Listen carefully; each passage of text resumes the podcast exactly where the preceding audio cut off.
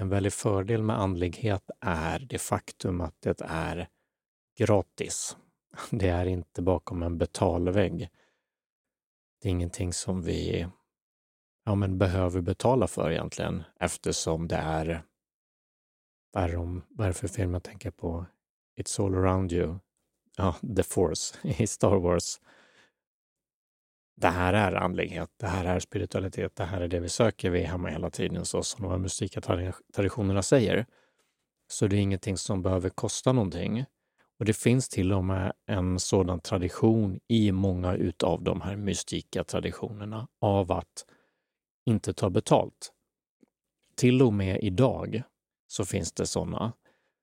Så om vi tar eh, den zen-traditionen som jag mediterat mycket i, zenbuddistiska samfundet och Stockholms Zen Center och så, så tar inte lärarna där betalt. Vilket är helt otroligt kan man tycka idag, 2024.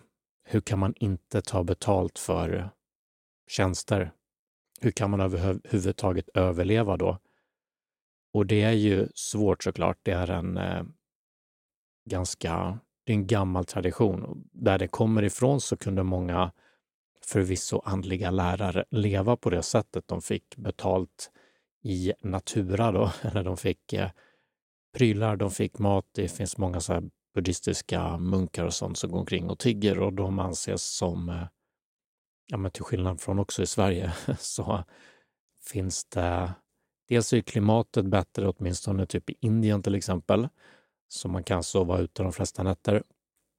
Men sen är det också så att eh, befolkningen där, och det vill jag komma till, bryr sig om eh, eller munkar sådana praktiserande och tycker de är bra ungefär. I Sverige så är de bara, om de skulle gå på gatan här, hemlösa uteliggare ungefär och det är ingen som skulle se upp till dem eller tycka att de är värda mm, något speciellt. Men så ser det ut i andra länder. Vissa andra länder då. Och då kan man leva på det sättet. Det är lättare att leva på det sättet i alla fall. Och man behöver inte inkomst på samma sätt. I Sverige är det väldigt svårt, så att de lyckas med det är väldigt speciellt. Så när man går på retreat exempelvis så betalar man pengar då till retreatcentret eller till Stockholm Zen Center. Men man betalar inte direkt till någon lärare. Man uppmuntras dock till att ge så kallad dana eller gåvor till lärarna. Så eftersom de inte jag vet inte exakt hur det fungerar, men att de ber aldrig om pengar och de får inte be om pengar tror jag i traditionen. Så, men andra får säga ge gärna donationer till dem så att de har pengar. Eh, så det kan man göra och det gör en del förhoppningsvis. Ger dem donationer, både på om man är på sån här retreat med dem eller om det är några sittningar bara.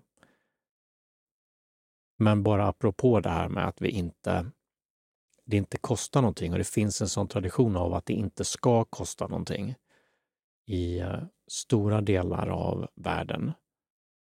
Det ska vara gratis. Jesus är också en sån typisk person då som inte tog betalt för sina tjänster. Han levde ett liv där han jobbade gratis, eller hur ska jag uttrycka det. Han gjorde sina goda gärningar och eh, helade människor och han eh, var ett ljus på jorden då och tog inte betalt för det. Och menade också på att det ni söker, Guds rike, är här. Det är utspritt inför era, framför era ögon. Jag tror det är Thomas evangeliet, så det hör inte till eh, riktiga Bibeln då, men väldigt bra eh, evangelie tycker jag i alla fall. Så där pratar de om det. I evangeliet, i zen-buddhismen, så pratar man också om att eh, sälja vatten vid floden, som betyder ungefär att vi, ja precis som det låter, det är metafor för att varför ska man sälja vatten i floden? Vi har vatten att dricka där i, precis vid floden ändå står sen läraren och säljer vatten vid floden. Så det hänger ihop lite grann med det här att att inte ta betalt, ta betalt för att visa vad vi redan är, ungefär. Men vi är ju redan, hur, varför ska vi betala för att, varför ska vi ge någonting för att inte få någonting egentligen? För vi är ju redan vårt sanna själv. Guds rike är redan utspritt framför våra ögon här. Det är inte så att vi kommer få någonting. Inte av Jesus heller då. Inte av sen-lärarna, inte av eh, de eh, lärarna inom sufismen eller kabbala eller något annat. Vi är det redan. Ögonblicket just nu är sanningen med stort S. Och det kostar ingenting att inse det. Och vi behöver inte betala pengar heller egentligen då för att inse det. Nu i den här världen, framförallt i den västerländska världen, så tycker inte jag att det är något fel när andliga lärare tar betalt för tjänster. Därför att det gör ju att de kan göra det de gör. Som mina sandlärare är ju ett, eh, men ett undantag skulle jag säga. Det är väldigt ovanligt att få det att funka och leva på donationer för eh, generellt är västerlänningar dåliga på att ge donationer. Som någon har ja, men ett event eller något sånt där och så ber de om eh, donationer istället bara. Istället för att säga det kostar 500 spänn eller något sånt där. Så får de mycket mindre pengar generellt. Så vi är också vana bara som västerlänningar att ja, men vad kostar det? Och så väljer man, vill jag betala för eller inte? Och det är den kulturen vi har, om man tycker det är bra eller dåligt. Men som jag ser det så är det inte speciellt kontroversiellt när andliga lärare tar betalt som sagt. Det kan ju såklart verka lite kontroversiellt när någon som Osho har så här, den största Rolls Royce-samlingen i hela världen. Då kan man ju tycka att eh, behöver man verkligen en, en bil till? Och så börjar folk rationalisera runt honom. Man, nej, men det var för att visa att det inte betydde någonting och egentligen så brydde han, han hade, gått, han hade gått bortom allt det där och det bara oupplysta människor som, som tycker att han, eller som tror att han har någon sån här äh, fetisch för Rolls Royce bilar och smycken och sånt. så kan det ju vara, vem vet. Men generellt så om det går som en anka, låter som en anka, kvackar som en anka, eller vad säger man, så är sannolikheten högre att det faktiskt är så, även manliga lärare. Så de manliga lärare som tar sådana här hutlösa priser kan det ibland och, och har massvis med sådant omkring sig kan vara, kan vara, behöver inte vara, kan vara problematiskt. Jag minns att en av mina lärare sa just det att eh, om läraren ber om pengar från dig eller sex från dig, så gå därifrån. För det, de två grejerna ska man helt enkelt inte be om som lärare ungefär. Nu så i kontexten västerlandet så bör man kunna eh, be såklart om pengar för en tjänst, tycker jag. Så som en psykolog eller så som alla som arbetar gör i princip. Det finns de som inte gör också. Det finns eh, människor som jobbar ideellt. Det finns människor som erbjuder den typen av tjänster utan att ta betalt också. Men då måste de generellt ha någon annan typ av inkomst. Annars går det inte runt. Annars kan de inte betala, för de har också utgifter. Så är det ju. De måste betala hyra eller vad det är för någonting de har. De måste betala för mat. För det måste alla människor göra, i princip. Men tillbaka till att, det inte, att andligheten inte finns bakom en metallvägg. Att det som är här just nu, sanningen med stort S, det sanna själv, Gud om man så vill, vad man nu vill använda för begrepp, medvetandet, uppmärksamhet, alla, Udda naturen. stora självet,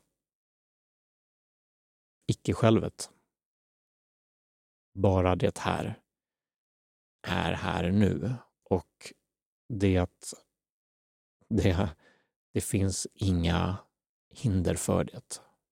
För vi är det. Och det är ändå, det är här hela tiden. Så det finns ingenting att söka, det finns ingenting att förstå och det finns inga pengar som behöver gå någonstans. Så vi är rika hela tiden, som de säger i många traditioner. Det är en, en återkommande metafor i väldigt många traditioner att vi går omkring. Där är det som stor sak, eller där, alltså i, där de här historierna kommer ifrån ofta, från länder där det finns mycket fattigdom och fanns mycket mer fattigdom bakåt i tiden. Och där, säger, där är metaforen då någon går omkring i trasiga kläder och eh, är fattig hela sitt liv, lever som tiggare och upptäcker att de sen att de eh, haft pengar hela tiden, haft en insydd eh, pärla i något eh, i jackfickan och visste bara inte om det. Och sen mot slutet av livet upptäcker jag, den var här hela tiden. Jag var egentligen rik, bara att jag inte visste om det. På samma sätt så är vi då rika i den meningen att vi har tillgången till vårt sanna jag hela tiden. Den rikedomen, Guds rike, som finns utspritt framför våra ögon. Det är det här, det stora självet, icke-självet, Gud, medvetandet. Som kan bli verklighet för oss när vi realiserar det. När vi realiserar det, inser det, vaknar upp till det när det här som traditionerna kallar för moksha, teosis, nirvana, fana, uppvaknande, upplysning, satori, kensho. När det inträffar så inser vi det. Oj, jag hade en pärla innanför fickan hela tiden. Jag är rik egentligen. Och då blir tankar om eh, materiell rikedom något mindre generellt. Eller strävan efter det snarare. För vi känner oss hemma och begär för saker minskar. Monetära såväl som emotionella. Likt någon som ligger på dödsbädden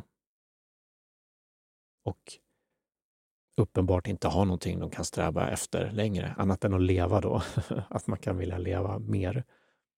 Men det finns ingenting att söka längre. Vad funderar man på då? Eller vad tycker man är viktigt då?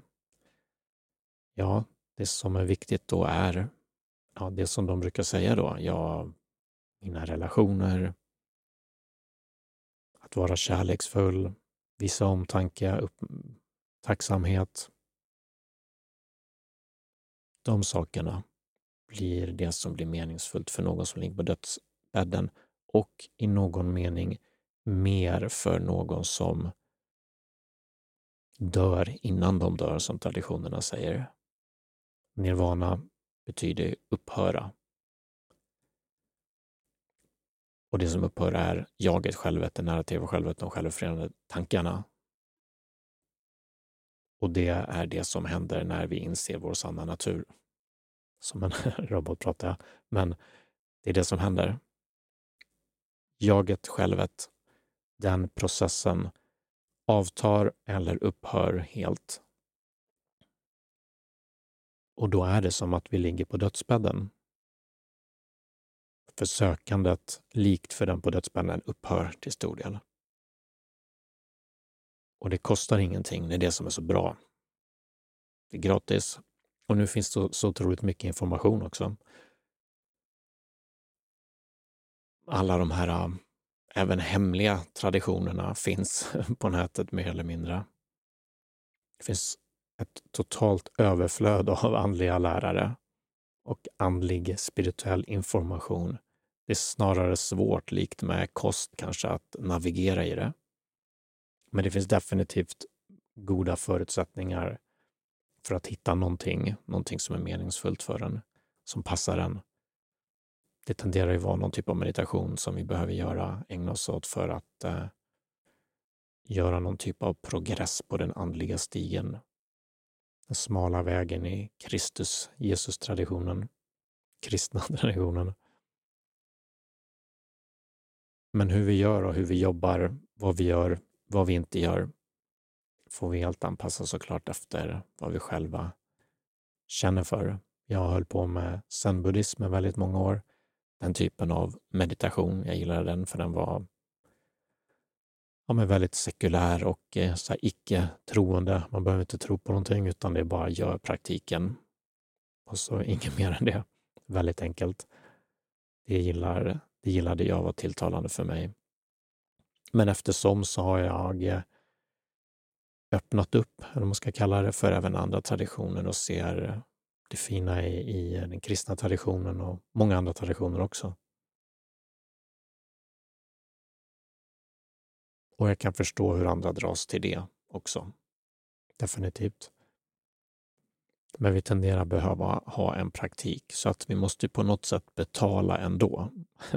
Inte med pengar, men med vår uppmärksamhet. Det är dock så att då lägger vi uppmärksamheten på oss själva. Vi sätter in pengar på vårt eget konto om man vill riktigt eh, köra den här eh, pengametaforen i botten. Vi lägger in för varje sekund, för varje ögonblick vi lägger uppmärksamhet på vårt eget jag, det vill säga när vi ägnar oss åt någon typ av om en introspektion, när vi gör vår meditation, det kan vara när, vi, när du sitter och lyssnar på det här just nu och försöker känna in det. Det kan vara när du sitter och formellt mediterar, det kan vara när du är ute och går och bara är medvetet närvarande eller arbetar eller vad du nu gör för någonting. Lyssnar på musik, tränar. Varje sekund vi lägger in på kontot med vår uppmärksamhet får vi tillbaka. Vi får det direkt i den stunden, men också över tid. Så ju mer vi gör det, ju mer vi lägger in pengar på uppmärksamhetskontot för vårt sanna jag eller Gud eller nirvana eller vad man nu vill tänka, desto mer får vi av det helt enkelt. Och det är verkligen väl värt det, värt de pengarna, värt den investeringen i, i oss själva. Det brukar stå så när man köper så kurser nu för tiden, investering, 3000 kronor istället för kostnad. Så vi kan väl använda, säga det här också, även om det låter lite... Jag vet inte vilket ord jag söker.